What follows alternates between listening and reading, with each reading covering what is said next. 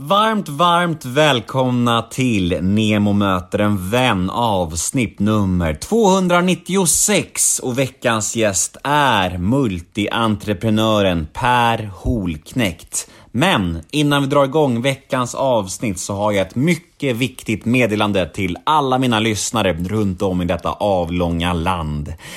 Avsnitt 300 av min podcast närmar sig ju som bekant med stormsteg. Det är ju bara en dryg månad kvar nu. Och efter mycket om och men så känner jag ändå att detta är en milstolpe som ändå bara måste firas på något sätt. Men speciella tider betyder också speciella firanden. Så därför säger jag härmed varmt välkomna till en intim och liten jubileums livepodd med mig och en enda gäst. Dessutom en väldigt speciell sådan. En man som tillsammans med mig skapade det mest lyssnade poddavsnittet på över två års tid när han medverkade i Nemo möter en vän för några månader sedan. Ja, jag talar givetvis om Ola Rapace. Så, den 8 augusti klockan 20.00 så intervjuar jag alltså Ola Rapace på Bondenbar i Stockholm. Och endast 50 biljetter släpps till detta mycket speciella och unika event. Allt för att vi ska kunna följa Folkhälsomyndighetens regler. Det blir litet, det blir exklusivt och det blir lyxigt. Ja, ni hör ju själva, detta vill ni inte missa! Biljetterna är nu släppta. De kostar endast 250 kronor styck och det är först till kvarn som gäller. Och med tanke på att det endast finns 50 stycken biljetter så skulle jag rekommendera alla er som är sugna att skynda er på in på biletto.se och säkra er plats nu på en gång. För de kommer att gå åt och ni vill inte missa sommarens allra häftigaste kväll. Hoppas vi ses på Bonden bar lördagen den 8 augusti. Men åter till dagens podd då. Per Holknekt, denna mångfacetterade multientreprenör. Jag har velat ha med Per länge i podden för det har känts som att vi har eh, olika beröringspunkter och det hade vi verkligen. Det blev ett samtal som flöt på. Vi klickade fint och eh, ja, jag tror att ni kommer att tycka om det här. Det, per är speciell och uh, ja, jag tyckte om honom och uh, jag kände igen mig mycket i honom och hans liv och hur han funkar helt enkelt. Veckans avsnitt klipps precis som vanligt av LL Experience AB som bland annat gör Göteborgspodden och mig når ni på Instagram, där heter jag Nemoidén eller via mail på nemoidén gmail.com. Nu drar vi igång det här. Nemo möter en vän, avsnitt nummer 296. Plats på scen för Per Holknekt. Rulla gingen. Nemo är en kändis, den största som vi har. Nu ska han snacka med en kändis och göra någon glad. Ja! Nemo, ja det är Nemo.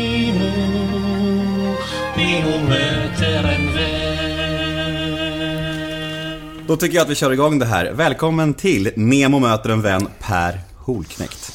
Ja, eller vi känner ju inte varandra än, men vi är nog vänner om en timme. Det tror jag verkligen vi är. Ja. Det är också målet med den här podden. Ja, trevligt. Ja. Mer sånt. Ja, men det, det var faktiskt målet med podden från början, att bli vän med mina gäster. Och jag tycker att... Ja, ibland funkar det och ibland funkar det inte alls. Som, Men- som livet självt. Så är det. Ja. Men vi borde kunna bli vänner med tanke på att det finns beröringspunkter. Ja, vi har ett par, tre stycken mer än vad vi har tänkt oss tror jag. Det tror jag också. Ja, Först och främst, ditt efternamn. Mm, jag är lite nyfiken på det och eh, eh, var kommer det ifrån? ja men det är ett gammalt dalanamn från svunna tider som eh, väl är en sammansättning av hol då, vilket vad jag tror är en liten kulle. Och knäck då som är en soldat, så det är soldaten på den lilla kullen. Mm. Fint. Ja, lite grann. Ja. Bra för varumärket om man sköter sig. Om man sköter sig. Det där med speciella namn, det är väldigt bra om man sköter sig. Om man inte sköter sig, då, då är det Ja, då liksom- skjuter det backfire på det. Jag kommer ihåg när jag frågade Stefan Sauk vad hans efternamn betydde. Vet du vad han sa då?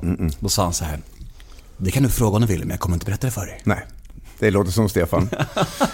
Vi spelade in en bok, uh, ljudbok bredvid varann i en studio här på Söder och läste in samtidigt i hytterna bredvid varann. Och jag liksom ligger ju rätt tillbakalutad med mikrofonen nära mun och försöker komma i uh, soft stämning sådär. Men han, Hans ryggstöd lutar framåt 40 grader. Han är så här framåtlutad, aggressiv. Så här, man kommer inte åt Stefan. Han börjar med anfall. Nej, han är otroligt speciell. Apropå ingenting, han och, han och jag var väldigt nära att lansera en vodka ihop för några år sedan. Apropå ap- absolut ingenting. Vad hände? Jag var ju nykterist och det kändes, det vart väl knas i moralen antar jag. Men, ja, men det var tiderna när liksom, det, det kom eh, många som eh, tog rygg på Absolut Vodka där och tänkte att det där går ju att göra i, i annan författning. Och vi hade en idé som än idag skulle hålla väldigt väl, men så tror jag att det föll på att vi som var i laget, vi hade bara för mycket annat att göra. Tiden räckte inte till. Ja, du, ehm, hur mår vi så här Ja, men vi- sommaren 2020? Just nu så är vi ju lite coronabakis allihopa tror jag. Ja, ja. Och, och man har ju liksom gått på gungfly en tid och, och har ju liksom fått möblera om sitt lilla liv ganska omfattande. Jag jobbar ju som föreläsare och det var ju så någonstans i februari när man såg i bokningskalendern och det såg ut att, att bli ett helt fantastiskt 2020. Och det var mer eller mindre fullt och mina andra bolags orderböcker var proppfulla. Och jag kände det här ska bli kul. Sen så kom ju första mejlet med ru- rubriken avbokning. Och 63 mejl senare så kom sista avbokningen, så var allting på noll. Fy fan alltså. Det är tufft att hantera sånt där. Jag tror vi har haft ett Eh, kollektivt eh, genombryta genombryt allihopa. Det är bara att vi har inte liksom enats i det och visat oss i det. Ehm, jag tycker att det är lite fint ändå att människor för första gången då har vågat svälja stolthet och berätta om att vi har det lite tufft. Det är ganska skönt att se, för det är ju, vet ju många av oss början på en förbättring, att man konstaterar ett bekymmer. Men för mig var det jävligt hårt. Alltså jag, eh, jag följer ner i ett riktigt, riktigt svart hål och, och hamnade i den här saken där ondskan börjar viska till mig och vill mig, l- säger den väldigt väl men har en dolk bakom ryggen. Så, så jag tog ett återfall där som small till ganska hårt. Eh, Och när var det här? ja, det här är mars bara. Hur länge pågick det? Ja, men alltså, det, det började med att, att jag förförde mig själv. Jag lurade upp mig själv totalt på läktaren. Jag skjutsade min, med min, min familj till landet och sa att jag är jätteledsen. Jag vill inte att ni ska behöva se mig eh, så ledsen som jag är. Utan låt mig bara sörja ut det här nu en stund så att jag kan bli stark på andra sidan igen. Och sen så sa jag att jag ville vara ensam i tre, fyra dagar. Men jag tror att eh, det var nog en omedveten plan mot återfall. För väl i ensamhet så tog jag bilen och körde till lokala pizzerian för att käka en pizza. Och någonstans där så blir det ju så här, men vad fan, jag tar en öl. Liksom hela gudarna kommer att förstå mig, jag mår inte bra. Och den där första biran förför ju andra bilen och tredje biran och fjärde biran och sen så är man dum. Och det här gick väldigt fort så att det liksom allting det här skedde inom loppet av två, tre dagar. Och, och sen fick man ju då liksom ramla ner ännu lägre och börja om från en trappa ner från det dåliga. Och borsta av sig och, och komma upp på andra sidan och försöka göra rätt igen. Men hur är det för dig som offentlig person, det här med återfall och dricka publikt och så här, eh, Får du uppleva att folk säger du ska inte dricka och sådär? Ja, nog, nog hände det. Och, sådär. och det är inte helt ovanligt att någon skvallertidning, i alla fall förr mer än nu. Nu har jag valt att, att backa lite grann från offentligheten, men förr var det väldigt, väldigt vanligt att man satt och drack en ginger ale på någon bar och, och hade ett möte, och, och, vilket är alkoholfritt, men liksom sitter någon liten glad fotograf för sidan om och sen så är tidningen där och skriver att här sitter Per och dricker grogg. Sådär. Mm. Eller om man har ett vanligt möte med någon, någon, någon kvinna i affärshänseende så står det där att här sitter Per på dejt. Sådär. Du, eh, vi kommer ju återkomma Ja. till missbruksfrågan som du Ja. kanske förstår. Det finns orsak till det. Det finns det Ja. och eh, eftersom att jag själv också är nykter. Ja, och det är vet, så. viktiga saker vi måste börja prata om. Så att, eh, Ja men det är saker som, som man, man ju ska och vill ta varje chans att prata om. Ja, verkligen. Om att, man är missbrukare själv liksom. Framförallt för det finns så väldigt, väldigt många där ute som inte pratar om det här. I familjerna i Piteå, i sko- skolklassen eller arbetsplatsen i Sölvesborg och Karlstad. Liksom. Det, Mm. Tystnadskulturen kring det här är ju ganska eh, kostsam för övriga, Mm. utomstående. Eh, sådär. Så att, vad- jag har lärt mig över tid att min oförskräckthet i att prata om mina alkoholproblem är ju eh, av godo någonstans. Mm. Det gör skillnad för någon. Jag såg ju dig Opinion Live för drygt två år sedan tror jag. Ja. Eh, När du pratade om just beroende med någon som eh, argumenterade för att man kan lära sig att dricka normalt tror Det jag. lilla återfallets enkelhet. Ja, var, det Kjell-Olof, var det Kjell-Olof Fält? Vilken jävla dåre alltså. Ja, men han var lätt överkörd. Ja, ja men du ägde ju honom rejält. Ja, och, jag, och jag och mamma satt hemma och klappade händerna. Det var väldigt bra. Ja, jag såg till och med, jag tror SVT eh, som körde det här programmet hade lagt ut någon liten trailer på det tror jag. På Mm. 20 sekunder som var uppe i så här 3 miljoner visningar. Ja, du har en hel gemenskap i ryggen där. Så att... Ja, visst är det så. Visst är det så. Ehm, Du, eh, du har gjort extremt mycket intervjuer genom åren och Mm. eh, det är därför är lite, lite svårt att, att ehm, förbereda en sån här grej. För att å ena sidan så kan man ju lyssna på massa intervjuer och, och låta sig formas av allt du har sagt och sådär. Men då känner jag mig också lite lite begränsad. Ja. För att det är så här, jag är nyfiken på vissa grejer. Ja. Och jag vill inte att du ska känna så här. Men det är ju den nyfikenheten jag vill att vi ska ta upp på bordet idag. Ja. Inte den där googlade nyfikenheten. Nej. Jag gjorde en intervju med en tidning som heter Vi en gång i tiden. Jag vet inte om du känner till den. Men fantastisk journalist som heter Stina Joffs. Som, hon intervjuade ju mig då i säkerligen 8-10 timmar. Vid 4-5 tillfällen satt vi ner. Sen publicerade hon artikeln och den gick ut. Och sen googlade hon mig. Det blev liksom en helt annan eh, formatering av det här samtalet som blev jävligt vackert. Men jag tror ju på det, att, att verkligen gå efter det som man själv vill veta. Ja. Inte låta sig formas av allt annat. Nej. Eh, Så bra att du är på samma spår Ja, som ja, jag. ja men vi, vi är bara människor allihopa. Vi har, vi har mer gemensamt än vi tror. Så är det. Ja. Men vad får du oftast prata om i intervjuer? Uh, ja, men det blir ju... Uh, jag, jag har ju så otroligt många skepnader så det beror ju på vem jag pratar med. Liksom. Jag kan ju gå ner för gatan och, och, och rätt vad det är så kommer det fram någon snubbe som vill ta bild med mig som gammal skateboardidol. Och, och någon annan ser mig som någon slags LinkedIn-stjärna och någon annan som superentreprenör. Och någon vill prata alkohol, någon vill prata flipper. Det kan vara vad som helst. Liksom. Jag har ju valt att spendera min tid görandes saker på bredd, inte på djup. Så jag har ju gjort så jävla mycket i mitt liv. Så det beror på vem, vem jag pratar med. Finns det något du är superless på att prata om? Uh, ja, men allting egentligen som handlar om förr. Ja.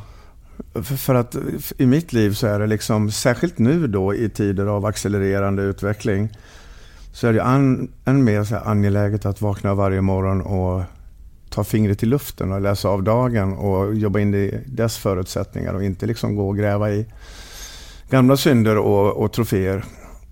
För de gör mig ingen lycka. Jag bränner ju alla mina diplom och jag spränger alla mina pokaler.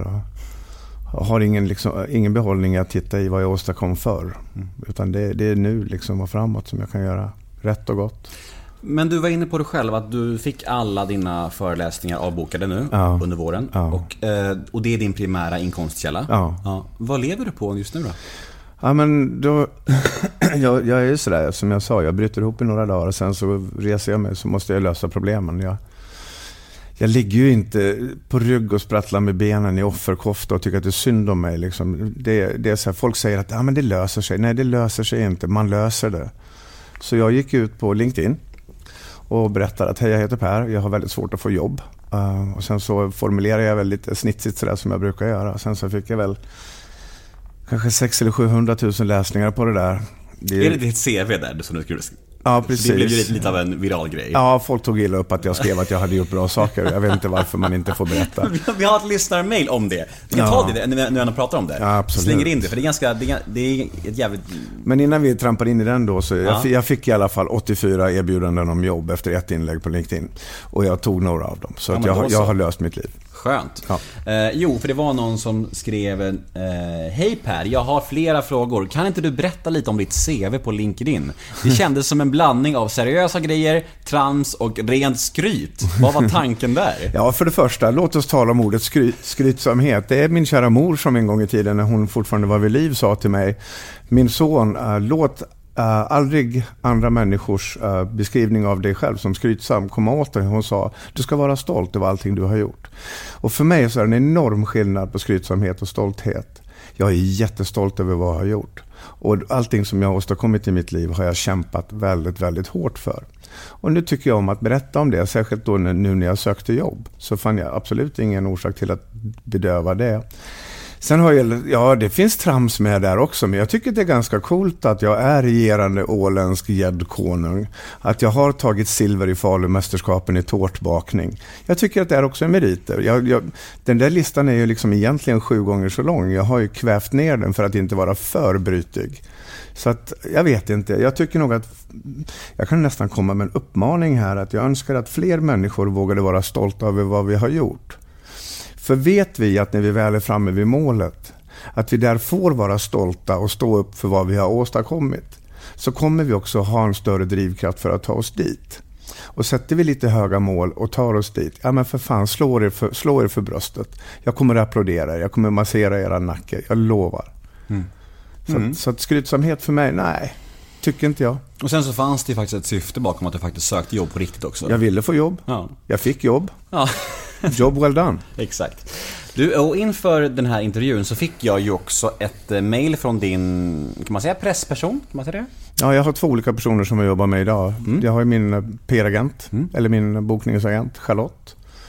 Och sen har jag en annan man som flyger under radarn som hjälper mig i ett annat problem just nu. Mm. Som handlar om min spelproblematik. Mm. För eh, hon bifogade en fil och jag läste den och det handlade om att du nu tar strid mot spelbolagen kan man säga. Ja, kan du förstå. Eh, lilla, lilla jag mot stora, stora dom. Men det, jag vet inte, jag, jag, jag lever i någon slags uh, idé om att i alla fall när jag ser ett slagsmål så håller jag alltid på den lilla. Och jag tar strid mot den stora. Den stora ska inte komma undan med saker bara för att den är stor. Det är, så här, det är aldrig fel att göra rätt. Och jag har valt att nu gå i, i uh, clinch med, med primärt ett stort spelbolag. Mm. Där jag, de har hjälpt till att föröda min livsekonomi. Det har varit mina egna beslut hela vägen. Men jag har haft en, en, eh, en bra crackdealer i, i Unibet då, som är den jag nu går ut emot. Mm. Du får gärna berätta. Vi har all tid i världen. Ja, herregud, den resan är ju lång. Alltså jag kan backa tillbaka. Jag, jag ger ut en bok här nu i oktober. Mm. Som kommer ut på Bonnier Fakta ihop med en, en uh, kvinnlig begåvad affärskvinna. Där vi bland annat eh, tar hela den här berättelsen i boken. Men den är ju fortfarande under utveckling. Så att boken går i tryck först om några veckor. Och då är vi på tryckeriet och sätter sista bokstaven. Men, men vi, vi, uh, vi har då via modern GDPR lyckats hämta ut uppgifter som är starka nog för att kunna ställa dem mot väggen. Vi har då vittnesmål och vi har andra uppgifter från sidan om som stärker vårt case. Och det här är ett börsnoterat bolag som jag personligen känner um, har sitt existensberättigande men inte dess metoder och modeller finner jag högst, högst provocerande. Mycket provocerande. Dessutom så finner jag staten och myndigheter provocerande mot mig när jag ser att ett bolag som missköter sitt förtroende så pass omfattande bara kommer undan med en varning och lite böter. Emedan om du har en, en krog och serverar sprit till en 17-årig tjej och du blir påkommen, du får stänga krogen. Alternativt så får du förlora ditt tillstånd. Det är ingen pardon. Och du får försörja dig på att sälja pannkakor och lingondricka. På samma vis så känner jag att om till exempel Unibet fortsätter, eller överbevisas ha gjort fel, så anser jag att de helt enkelt ska få stänga ner. De ska få sälja sina Unibet kaffekoppar och Unibet handdukar och saker som de har skickat till mig i present. Mm. Det är så här, jag har ju spelat bort enorma pengar, bland annat hos dem. Hur mycket pengar snackar vi om? Ja, mina totala insatser över min aktiva period med dem var 55 miljoner kronor. Mm. Min nettoförlust är 25,5 miljoner. Och uh, um, det fanns ju många, många tillfällen under den där resan som jag hamnade i förtvivlan och skräck och isolering. Och beslutade mig för att lägga ner. Um, upphörde att spela i 24 timmar. För hade jag varit ifrån i 24 timmar, ja då fick jag ett litet mail ifrån min då knarkdealer här att logga in på ditt konto så har vi en liten present till dig. Så satt det fem eller 10 000 spänn där. Så nu kan du börja lira igen. Mm. Och så här har man kört. Och man har kört mig och man har mjölkat mig med allehanda metoder, uh, okej okay och icke okej okay metoder. Men jag, jag är bara ute efter att få en högre kontroll, en begränsning av verksamheter och ett högre vite. Ett svårare straff om man missköter sig. Mm.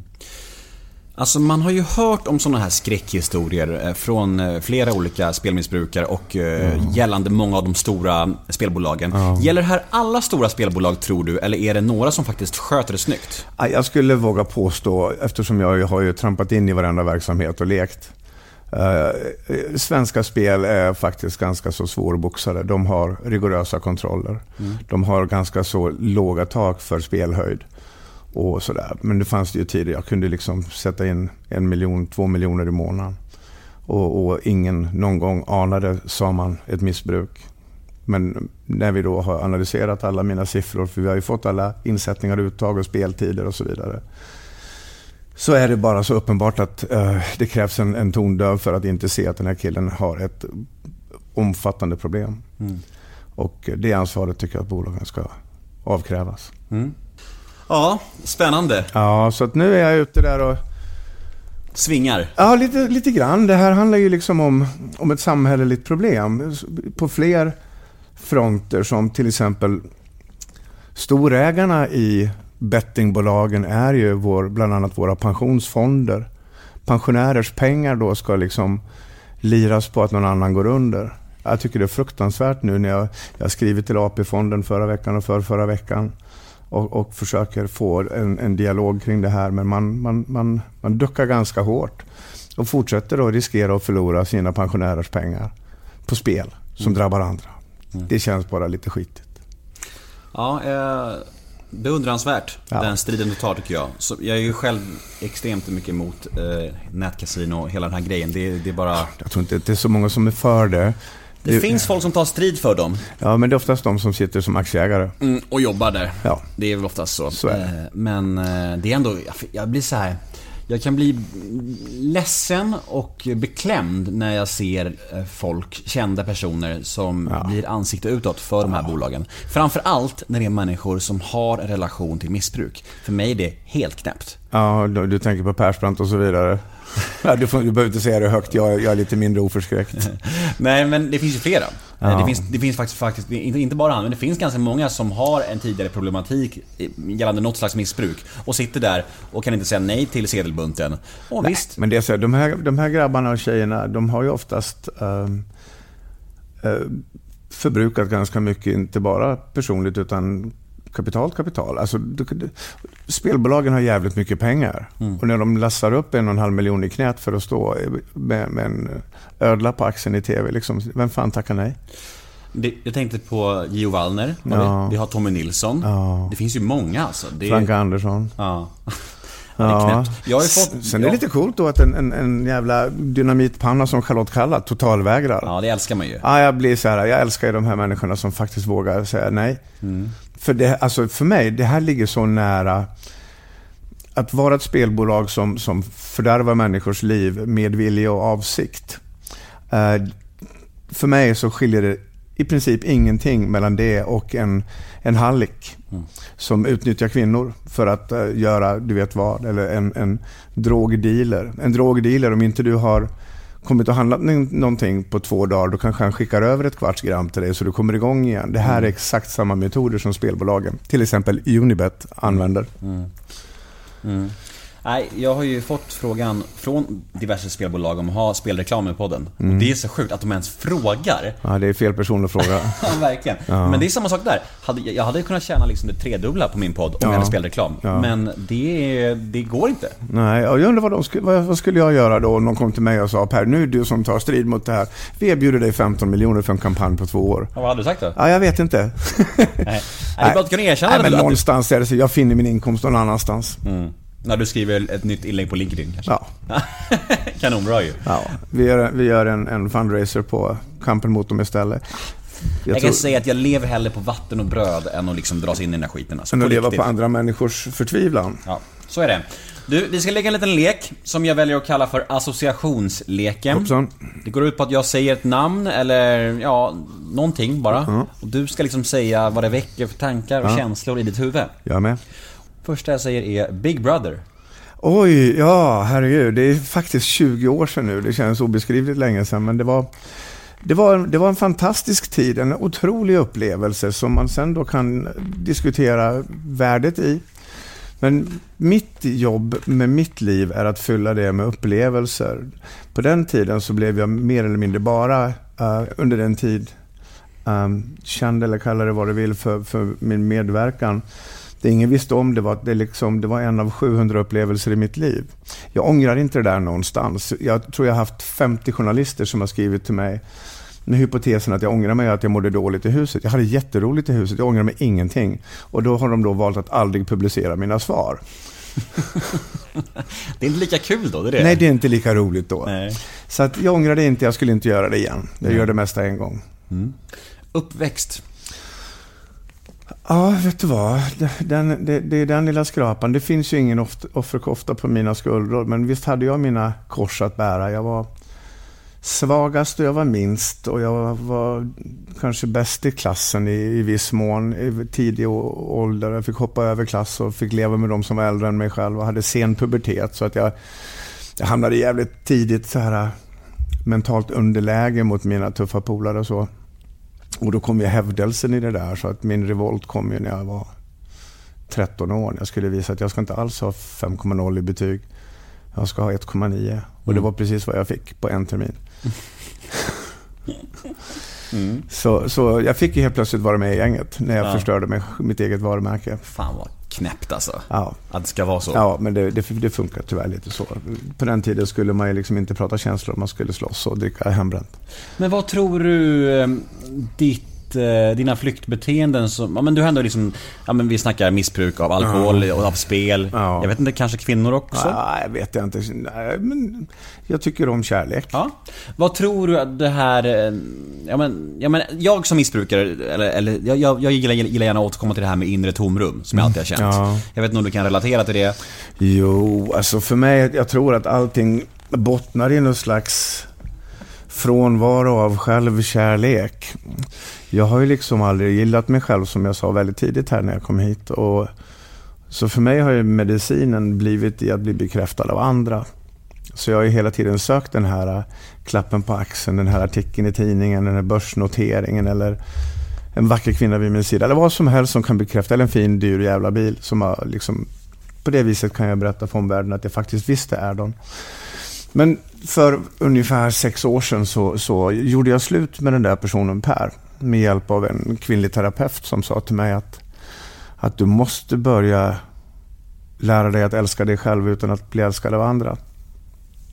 Och, och hon sa, jag frågade hur gör jag då? Hon sa tacka nej till alla premiärer, tacka nej, tacka nej, tacka nej till tidningar och eh, spendera mer tid ensam. Jag vill att du åker till landet och sätter dig i stugan. Ensam, sa hon. Och så åkte jag till landet och satte mig ensam i stugan och satt där i dagarna 3, 5, 7 och jag började känna enorm ensamhet och jag frågade henne, det här blir ju bara värre. Och hon sa, ja men stanna kvar en liten stund till för du kommer snart träffa en person du inte har träffat på väldigt länge. Och någonstans kring dag 9 eller 10 så började jag för första gången möta mig själv. Mm. Och, och där byggde jag min första någonsin kärlek till mig själv. Och den är, den är kvar än idag. Men den har inte riktigt tagit sig utanför dörren. Nej. Jag älskar mig själv när jag är ensam. När jag kommer utanför dörren då hamnar jag i det här jävla jämförelseproblematiken. Jag tycker att andra karlar är så jävla snygga och jag är misslyckad, jag är alkoholist och bla bla bla. Och så krymper jag igen. Mm. Men liksom, jag har i alla fall tagit ifrån mig de här enkla kickarna för att bli bekräftad. Mm. Går du på några möten och sånt idag eller? Ja, ja. Mm. Bra särskilt när man har kraschat som jag gjorde nu då för två månader sedan, så har jag orsak att, att göra 100 på 100. Mm, mm, helt rätt. Helt rätt. Eh, nästa punkt i associationsleken eh, lyder genombrott. Vad tänker du på då? Ja, jag vet inte. Uh, genombrott? Nej, jag flyttar väl över den till någon slags men jag brukar ju tänka det, liksom när, man, när man går in i någonting och kämpar. Du har ju också gjort det. Man kämpar för någonting för att man ska åstadkomma, lyckas mäkta dra någonting tills att det händer. Jag brukar likna det här vid liksom det här äh, berg och dalbanan som tickar sig klick, klick, klick, klick upp för branten och sen så liksom kämpar man sig sen uppe på krönet så drar den iväg. Där är min, min genombrottskänsla. Det är liksom min drog idag. Det är när jag äntligen får någonting att fungera. Och den, den åker iväg och jag knappt kan hejda den längre. Det är genombrott för mig. Att jag bryter igenom. Framförallt om det inbegriper någon form av att någon har sagt att det kommer du aldrig att klara. Den, den är väldigt viktig för mig. Så vill du åstadkomma någonting om du och jag skulle jobba ihop så ska du ju säga till mig Per, det här kommer du aldrig att fixa. Eller om du säger till mig, jag tror inte du kan springa till stadshuset och tillbaka på 19 minuter. Jag sticker ju direkt liksom. Ja, good to know. eh, Victoria Tolstoy. Ja, men en fantastisk eh, sprakfågel som var uh, rolig att möta. Vårt möte var ju väldigt spektakulärt. Det var ju, hon var ju rösten i huset i Big Brother när jag var där. Jag hade, jag hade aldrig sett människan, men de berättade för mig vem hon var. Någon sa att hon var väldigt vacker. Hon hade en fin röst. Sen var det fest när programmet var slut. På Café Opera var det, tror jag. Och fick jag träffa henne för första gången, eller jag blev introducerad till henne, varvid hon tar mig i nackaskinnet och släpper ut mig till en limousin och drar. Det var hennes plan, kidnappa mig och sen så gifte vi oss. Mm. Och sen så hade vi då sju, åtta lyckliga år innan det blev ett ganska tragiskt slut. När jag fick veta att hon var helt plötsligt gravid med en annan man. Mm. Mm. Jag har en liten koppling till henne som mm. är lite kul. Eh, jag var ju med i Småstjärnorna för 20 år sedan. Sådär? Ja, Nej. ännu mer. Jag 22 år sedan. Uh-huh. hon satt i juryn där. Nej. Ja, du ser. Nej, men hon är rolig och hon är bra. Vi hade en jättebra tid. Tyvärr så blev det lite ett smutsigt slut på alltihopa som uh, kanske tog hårdare och gjorde ondare än vad jag har uh, velat tillstå. Mm. Har ni haft någon kontakt? Nej. Ingen alls? Nej. Ni har inte sprungit ihop heller? Nej. Nej. Jag har Va? god kontakt med hennes syster. Vad skulle du göra om du sprang in här på gatan? Säga hej. Bra. Det är ju så här att jag har ju beslutat mig för att liksom uh, förlåta människor. Helt rätt. Tolvstegstänk. Ja, jag måste förlåta. Jag, jag hade liksom, hon ägde mig i så många år i mitt agg. Och återigen var det min terapeut som, som kom med det kloka rådet att förlåt. Mm. Förlåt henne, eller förlåt honom. Jag har haft två personer i mitt liv som jag har hyst stort agg emot och jag har jag har skrivit långt uh, Jag förlåter dig brev till henne. Och sen den dagen blev jag ganska fri. Sen hade jag en killkompis också som jag var väldigt ilsk på i jättemånga år. Innan jag bjöd ut honom på middag och sa att jag förlåter dig. Och sen så fick jag gråta i två timmar och sen så var jag fri. Mm. Ja, det, det där med förlåtelse är en jävla nyckel till frihet. Ja, men den är svår för att den går inte att förklara logiskt. Nej. Man måste göra det för att förstå det. Det är ju verkligen så. Alltså, både du och jag är ju tolvstegsmänniskor. Ja. Och, och det är så här, första gången någon sa till mig så här, ja, men du ska, du ska gottgöra människor för att du ska bli fri. Liksom. Mm. Man, man bara, men varför ska jag gottgöra människor som jag är arg på? Det make no sense nej, liksom. Nej, det är så. Men när man väl har gjort det, då, då fattar då förstår man. man. Ja, exakt. Det är nyckeln till frihet. Men man liksom. måste göra det för att förstå det. det. Exakt. Men det är svårt att förklara för folk. Ja. Nästa punkt på den här leken är faderskap. Mm. Hur, eh, hur ser du på ditt föräldraskap? Ja, det är ju så här, jag har ju liksom min äldsta dotter som är 25 år, jag tycker att jag har fostrat henne, varit med och fostrat henne väldigt väl så att hon kan fatta kloka beslut i sitt liv. Hon har en järnhård knut, knytnäve som hon har tagit ur fickan. Hon är ambitiös, hon håller hög nivå, hon är sårbar som pappa. Men eh, jag känner noll oro, så det känner jag liksom, det uppdraget är avklarat. Och eh, nu finns jag där för henne och vi hörs mer eller mindre varje dag. Sen har jag fått en ny på senare tid, som är, hon blir ju tre år om två veckor. Mm. Lilla Karla. Och eh, då blev jag pappa när jag var 57. Och det är skillnad på att bli pappa när man är 57 mot när man är 34. För när man är 34 år och som jag då har levt ett liv i mitten av ett stort eh, båd av människor och polare. På den tiden så drog ju stan. Man ville ju liksom vara ute på alla dessa äventyr och ta någon jott ut i skärgården och man skulle eh, ösa på olika barer. Så det stal ju halva min kärleksuppmärksamhet till henne när hon var som minst. Men nu när jag har fått barn vid hög ålder så är det så jag har ju tappat de här behoven av de här sociala cityumgängena helt. Så nu är det liksom, det är bara jag och Karla. När det är vi, hon får ju 100% av min uppmärksamhet. Så det ger mig en högre känsla av kvalitativt faderskap. Mm. Lever du ihop med mamman? Ja, jag lever ihop med mamman. Mm. Karla var planerad. Mm. Och vi lever tillsammans. Mm. Vi är två ganska skilda karaktärer. Jag är dikesblomman om du så vill, eller vad som. Eh, medan Linda, hon är ju en oförskämt vacker för övrigt eh, bankkvinna. Som eh, tillför struktur till mitt liv och jag tillför lite vansinne till hennes liv. Så blir det lite kul. Hur är du att leva med tror du?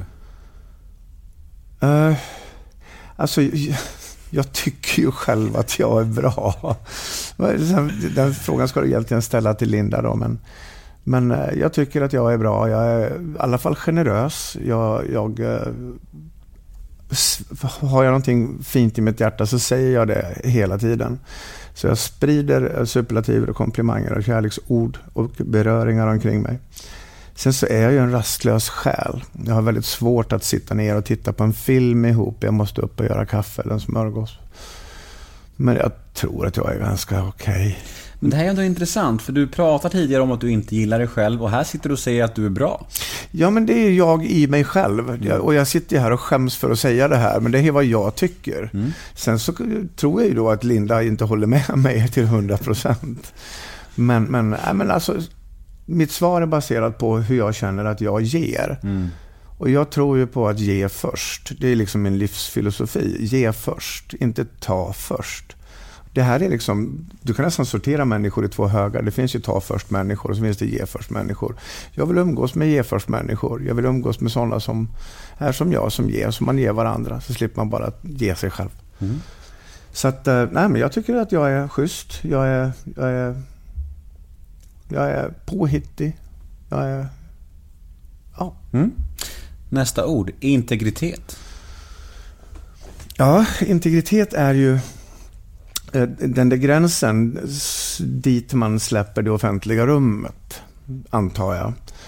Och folk då, jag gav ut en biografi här för sex år sedan där folk säger oj, hur kan du lämna ut hela ditt liv så där? Då kan jag bara avslöja här och nu att jag lämnade ut ungefär 40 procent av mitt liv. Resten finns till de som är mig närmast.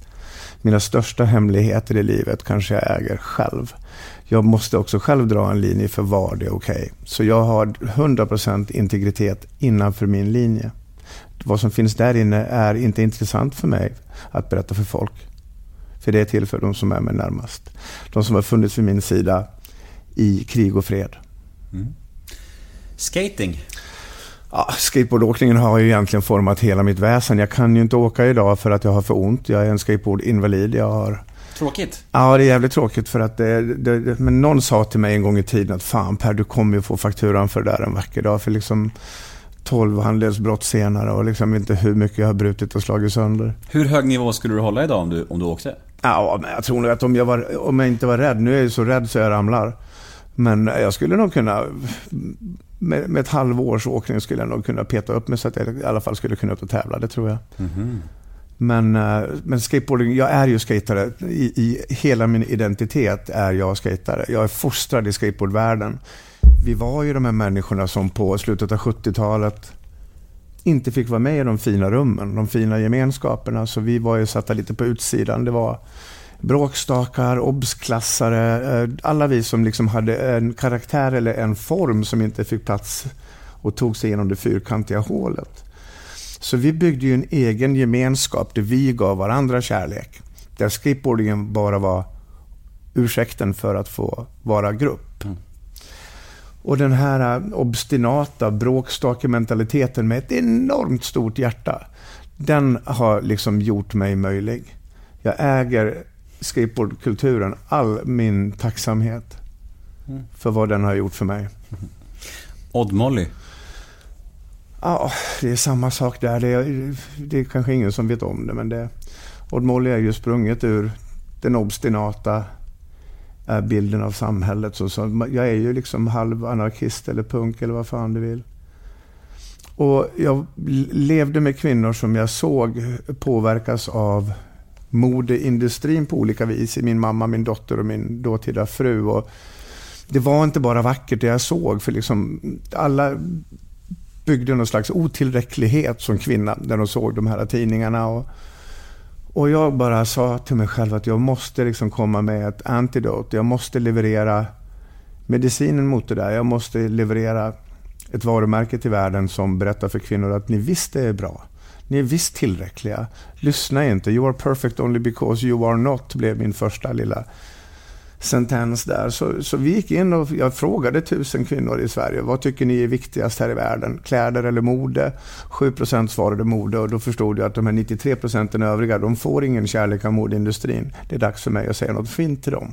Och så byggde vi Råd Molly på det här äh, bråkstakigheten som äh, var kärleksfull mot de som egentligen kanske inte fick så mycket uh, love av modemedia. Mm. Lena Philipsson. Ja, ett jävla djurväder. Hon är... Hon, det, är så här, det finns ju två människor bakom de flesta artister. Artisten är ju en karaktär på scen och en karaktär hemma vid. Och, och det är svårt att hålla isär på de här personerna, även i sig själv. Eh, jag är två olika personer, för att när jag går ner för gatan och en människa tittar på mig, då ser de på mig med ögon som jag vet inte stämmer. För de ser mig som Per den offentliga personen.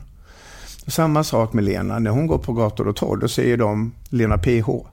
Och det är ju inte den person som hon själv vet att hon är. Då glider man lätt mellan de här två personligheterna och hemma vid får du äntligen vara dig själv. Så att på det viset så är det ju två olika individer som eh, jag känner bägge, tror jag. Och hon är fantastisk, men definitivt inte enkel. Nej. Har ni någon ifrån. kontakt idag? Eh, nej, vi, vi, nej, vi har ingen kontakt idag. eh, mer än, nej, faktiskt ingen alls just nu. Vi, vi fortsätter ju träffas en liten stund efter skilsmässan. Men eh, nej, den har runnit iväg. Mm. När var ni skildes? Det var så länge sedan nu va? 12, Ja. tror jag. Åtta år sedan. Ja, eh, vi går vidare till nästa ord som är narkotika.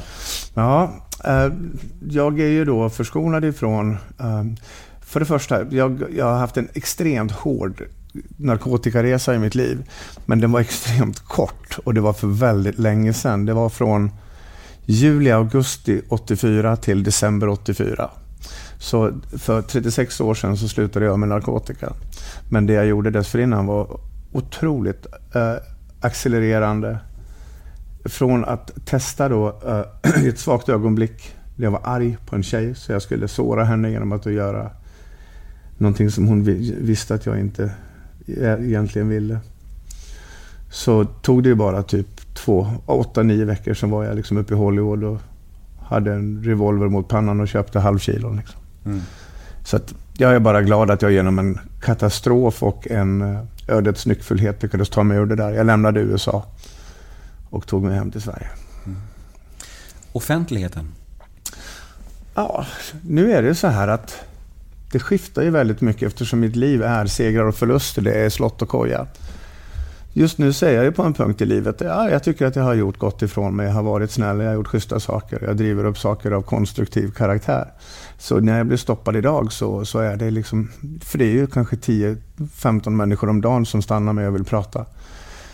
Och nu är det bara positivt. Förr i tiden så var det ju 13 av 15 var ju negativt. Men nu är det bara positivt. Bara som att jag var på Hemköp i fredagskväll och skulle köpa hem lite mat. Tre olika människor bara inne på Hemköp stannar mig och vill ge mig sitt stöd i kampen mot spelbolagen. Bara en sån sak. Och sen så är det två killar i lördagskväll när vi var åt middag på Rörstrandsgatan. Eh, Känner inte varandra, bägge stannar, stannar mig och pratar om hur mycket jag inspirerar dem till att våga och kämpa på. Via LinkedIn var det här. Så, att, så att det- det är mycket uppmuntrande och, och så. En kille stoppade mig i rullstol. Han hade förlorat ena benet. Förra veckan var det här. Han hade förlorat ena benet i en motorcykelolycka. Han sa, du är mer eller mindre hela min inspiration till att, till att jag pallar komma igen. Och sånt betyder jättemycket. Drömmar slash framtid. Ja, nu har ju jag aldrig drivits av vare sig drömmar eller framtidslängtan eller långsiktiga strategier eller de här moderna tydliga målen som man nu ska ha enligt alla sådana här människor i tights. Uh, förlåt min fördomsbild. Ja, det är okej. Eh, nej, jag jobbar väldigt dag till dag. Ja. Jag har, eh, om, om mitt liv skulle bli som jag har tänkt mig så skulle det bli så jävla tråkigt. Du, nu ska vi gå över till lite mer snabba frågor här. Jajamän. Är du med? Jajamän. Och nu får du inte svara långa svar här. Nej. Nej. Paradrätt. Eh, fett, salt, kött och mycket. Vad missbrukar du, förutom det uppenbara då? Som vi redan snackat om. Cigg, kaffe och Treo. Cigg, kaffe, Treo, alkohol och spel. Ja, ja, men det är mina aktiva droger är cigg, kaffe och Treo. Det är min frukost. Treo, alltså fy fan. Stackars mage tänker jag. Ja, jag vet. Ja. Eh, vilken egenskap hos dig själv föraktar du mest? Min uh, otålighet. Ångesttrigger. Alla stunder i mitt liv då jag har gjort någon annan illa. Vad har du orimligt gott självförtroende inom? Siffror. När grät du senast? I morse. Vad lägger du mest pengar på? Min familj. När sa du förlåt senast? I morse. Så du både grät och sa förlåt i morse? Ja. ja. Vad hände egentligen? Nej, jag bara skrev ett, ett inlägg på LinkedIn igår. Jag, jag har ju liksom så väldigt nära från hjärna till, till handling. Och, och så slog det mig några sekunder senare, fan det var inte så jävla smart skrivet. Det där borde du ha tänkt efter ett varv. Så skrev jag i morse, om någon händelsevis såg det där inlägget, jag tog bort det själv. Så be om ursäkt. Jag hade lite för bråttom, det var plumpt. Vad handlar det om? Nej men det bara, det var... Um, jag läste en kulturartikel från Göteborgs-Posten om att eh, Karin Boye köpte sex. Och det här tyckte jag var lite tråkigt men roligt samtidigt på något vis. Att någon gammal hyllad svensk kvinnlig poet slash författare har gjort samma sak som... Liksom, ja, så att jag, jag la ut det där och det tyckte jag bara var... Det var totalt självmord. Det var uddlöst, det var ogenomtänkt och det var, hade liksom inget yttre syfte annat än att försöka provocera någon till att... Nej, det var inte okej. Okay. Jag förstår. Vad oroar du dig för mest? Pengar. Vad tror du andra människor tänker på när de tänker på dig? Och då menar jag både som offentlig person och dina privata kompisar. Uh, alla mina vänner säger lojal och snäll. Mm. Uh, offentligheten tänker på uh, antagligen um, ja, men, jag hoppas en förståndig galning. Mm. Mm. Vad kommer du aldrig förstå dig på att andra människor tycker om? Tights. mm. Ja, det är bra. Vi kör lite lyssnarfrågor då, ja. avslutningsvis. Ja. Jag har fått in lite DMs här som vi ska ta oss igenom. Ja. Första lyder så här. Hej Per, vad an denna attack mot Lisa Nilsson? Nej, den var bra att du tar upp den, för den vill jag faktiskt prata om. Det var nämligen som så här, och nu kommer jag inte ihåg alla detaljerna, men det var ju något forum som, som uh, vi har ju då varit vänner på Facebook. Och, och i något forum så handlade det då om integrering och jag skrev uh, att jag unnar alla nyanlända människor till Sverige vårat språk. Jag tycker att det är en, en fin sak av oss i Sverige att få ge det till dem i present så att de får lite bättre förutsättningar. Och då så i flödet efter det så, jag har aldrig varit med om några värre rasistpåhopp då jag fick den, den, det epitetet av hela hennes eh, ja, hov, av, eh, inklusive hon själv. Vilket jag själv kände var oförskyllt. Och sen så gjorde hon något inlägg själv där jag anade att hon skrev samma sak. Så då skojade jag lite grann tillbaka. Så i min värld så var det inget påhopp. Det var en liten, också en liten plump kontring. Som förstås man klipper bort för, eh, första halva meningen för att då rikta den här lite missvisande. De som var där och såg, de förstod och skrattade åt det här och sa ja, ja låt media skriva vad fan de vill Per, du gjorde rätt. Men, men eh, det, det, började med att jag bara unnade våra kära invandrare som är egentligen mina stora idoler, vårat språk lite mer än vad de får idag. Och jag är beredd att betala för det alla dagar i veckan. Nästa lyder så här. Min känsla är att du har missbrukat allt som finns att missbruka. Varför tror du att du är så? Jag, jag har ett jävligt högt varvtal. Jag har en en motor med ett högt vridmoment och jag har en konstant kraft i mig som måste få ett utlopp. Och då blir det ju så här att när jag då ska skicka ut den här ur mitt system så har den två vägar att gå. En är konstruktiv och en är destruktiv. Sen så är det ju upp till mig att välja riktningen på min kraft. Och, jag är jävligt bra på att bli destruktiv. Men om jag i, eh, vid sunda vätskor kan ta mig samman och rikta om den här som till exempel göra mitt missbruk mot företagandet. Att jag missbrukar att jobba i mitt företag så, så är det bara ett annat utlopp för samma. Men jag, vad jag än gör så kommer jag att missbruka det på något vis. Mm. Och det handlar nu om att stävja mina destruktiva missbruk och göra det till konstruktiva missbruk. Ett missbruk kan till exempel vara att hela tiden visa min treåriga tjej att jag älskar henne, bära henne, viska hennes öra, du är den finaste jag vet i hela världen. Det här är någonting, jag kanske ger henne för mycket. Jag vet inte. Men det är ett konstruktivt missbruk. Men jag är en missbrukskaraktär karaktär på alla vis. Mm, ja, jag känner verkligen igen det där. Ja. Men, man, men det här med att man verkligen... Jag tror ju på det där, att man kan ju fly in i bra grejer också. Ja, det är samma sak. Ja, Jag, jag, du vet, jag känner också så ibland att jag, jag ibland kan fly in i mina barn. Men det är ändå så här, det är ju ett sunt missbruk på ett Ja, sätt. det är inte fy skam. Nej. Så. men det, det, det, det, I can relate. Nästa lyder så här då. Eh, Du har ju haft en del relationer med kändisar. Varför tror du att det har blivit så? Ja, men jag tror vi är tillbaka till det här. äh, dels så är det så, det blir ju lite larvigt när man är en offentlig person så umgås man med offentliga personer. Du har säkert upplevt att man går på gatan så hejar man på Peter Dalle fast vi aldrig har träffats. För att vi råkar ha varit i samma tidning. Det blir lite larvigt på det här viset. Busschaufförshälsningen. Ja, men lite grann. Den där husvagnsägarhälsningen. Vi möts och vi... Jag gjorde en, en travesti på den en gång i tiden. När jag startade Svea kläder, då hade jag två killar som möttes eh, på Biblioteksgatan i likadana kläder. Och så sa de hej till varandra.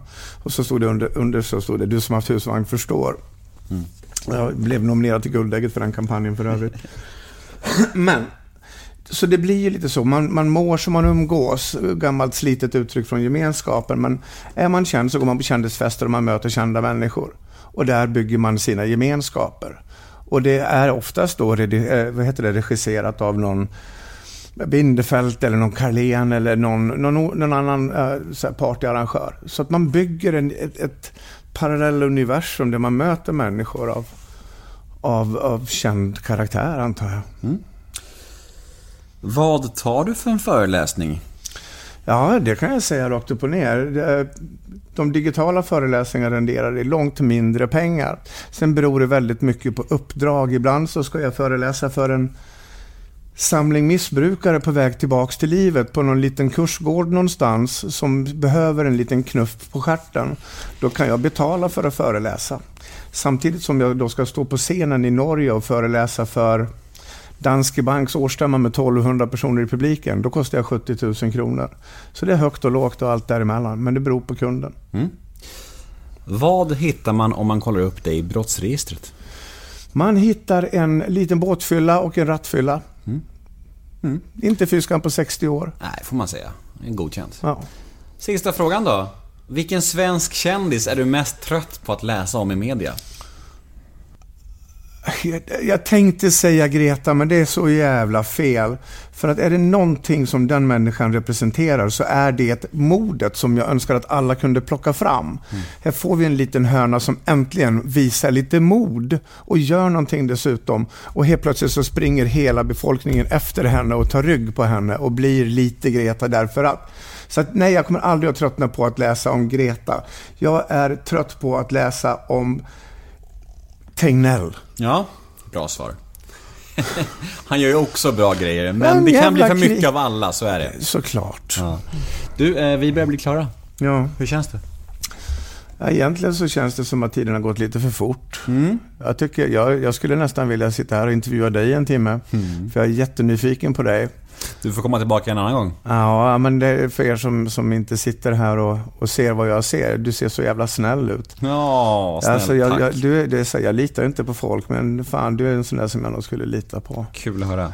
Det glädjer mig. Så har det inte alltid varit, eller hur? Nej, men jag tror också att, att, att anledningen till det är väl också att vi båda är tolvstegare. Ja. Det finns väl någonting där, Ja, jag. man har klarnat lite grann. Man känner alltid en, en, en instinktiv tillhörighet och eh, samhörighet med sådana människor. Så är det ju. Och sen är det så här, vi kan inte lura varann. Nej. You can't kid a kidder liksom. Nej. Det så, här, så att jag känner att med det kan jag vara ärlig. Så, It takes one to know one. ja, så är det. Nej, Har, men, vi, har vi några kloka sista slutvisdomsord till folket? nej, men liksom... Jag skulle bara vilja berätta för människor som sitter i självtvivel och, och lever i dubier över sin egen förmåga. Jag vill bara berätta för alla att fan vad ni är bra. Att ni är, jag garanterar att ni är så sjukt mycket bättre än vad ni har den minsta jävla aning om. Så för gudars skull, sluta jämföra er med andra. Riv ner era jävla idolers porträtt från väggarna. Sätt upp bilder på er själva. Och res er. För kan jag, då kan fan vem som helst. Tack Per Holknekt. Tack själv.